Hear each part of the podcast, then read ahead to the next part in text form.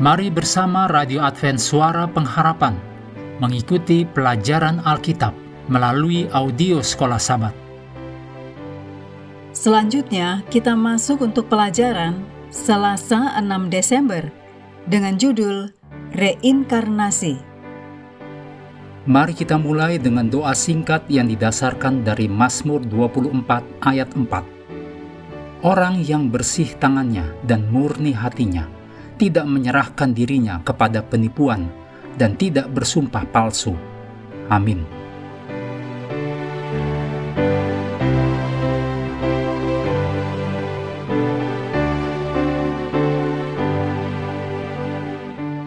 Pendapat kekafiran tentang jiwa yang kekal memberikan dasar bagi teori reinkarnasi atau perpindahan jiwa yang tidak alkitabiah. Teori ini telah diadopsi oleh beberapa agama besar dunia.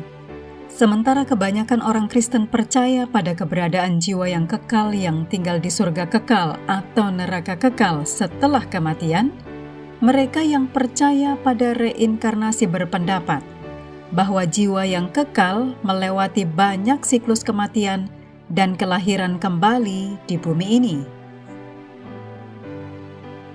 Bagi sebagian orang, reinkarnasi dianggap sebagai proses evolusi rohani yang memungkinkan roh mencapai tingkat pengetahuan dan moralitas yang lebih tinggi dalam perjalanannya menuju kesempurnaan. Umat Hindu percaya bahwa jiwa yang kekal melewati perkembangan kesadaran atau samsara di enam kelas kehidupan, yaitu akuatik, tumbuhan, reptil, dan serangga, burung, hewan, dan manusia, termasuk penghuni surga. Dalam Ibrani 9 ayat 25 sampai 28, di ayat 28 dituliskan, Yesus mati hanya sekali. Ini juga ditulis dalam 1 Petrus 3 ayat 18. Dan demikian juga semua manusia mati hanya sekali dijelaskan dalam Ibrani 9 ayat 27.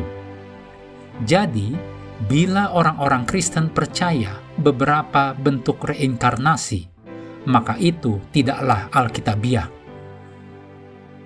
Banyak orang tidak percaya pada apa yang seharusnya mereka percayai. Gantinya mereka percaya pada apa yang ingin mereka percayai.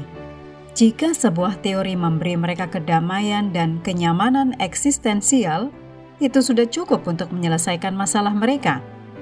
Sebagai tambahan, eksistensialisme adalah suatu aliran filsafat yang pahamnya beranggapan bahwa manusia mempunyai kebebasan dalam melakukan suatu tindakan dan bertanggung jawab atas tindakannya tanpa memikirkan lebih dahulu antara tindakan yang baik maupun yang buruk. Tetapi bagi mereka yang menganggap Alkitab itu serius, maka teori reinkarnasi tidak dapat diterima. Pertama, teori reinkarnasi bertentangan dengan ajaran Alkitab bahwa jiwa itu dapat mati dan ada kebangkitan tubuh yang ditulis dalam 1 Tesalonika 4 ayat 13 sampai 18. Kedua, Teori reinkarnasi ini meniadakan doktrin keselamatan oleh kasih karunia melalui iman dalam pekerjaan penebusan Yesus Kristus. Dicatat dalam Efesus 2 ayat 8 sampai 10 dan menggantikannya dengan pekerjaan manusia. Ketiga, teori reinkarnasi bertentangan dengan ajaran Alkitab bahwa keputusan kekekalan ditentukan oleh keputusan seseorang dalam hidup ini. Ditulis dalam Matius 22 ayat 1 sampai 14, Matius 25 ayat 31 sampai 46. Keempat, teori reinkarnasi meremehkan arti dan hubungan kedatangan Kristus yang kedua kali yang dicatat dalam Yohanes 14 ayat 1 sampai 3. Kelima, teori reinkarnasi mengajukan adanya kesempatan setelah kematian bagi seseorang untuk dapat memperbaiki hidup, yang mana ini tidaklah alkitabiah. Ibrani 9 ayat 27 dikatakan, manusia ditetapkan untuk mati hanya satu kali saja, dan sesudah itu dihakimi. Singkatnya, tidak ada tempat dalam iman Kristen untuk reinkarnasi. Mengakhiri pelajaran hari ini, mari kembali ke ayat hafalan kita 2 Korintus 11 ayat 14 dan 15. Hal itu tidak usah mengherankan, sebab iblis pun menyamar sebagai malaikat terang. Jadi bukanlah suatu hal yang ganjil jika pelayan-pelayannya menyamar sebagai pelayan-pelayan kebenaran.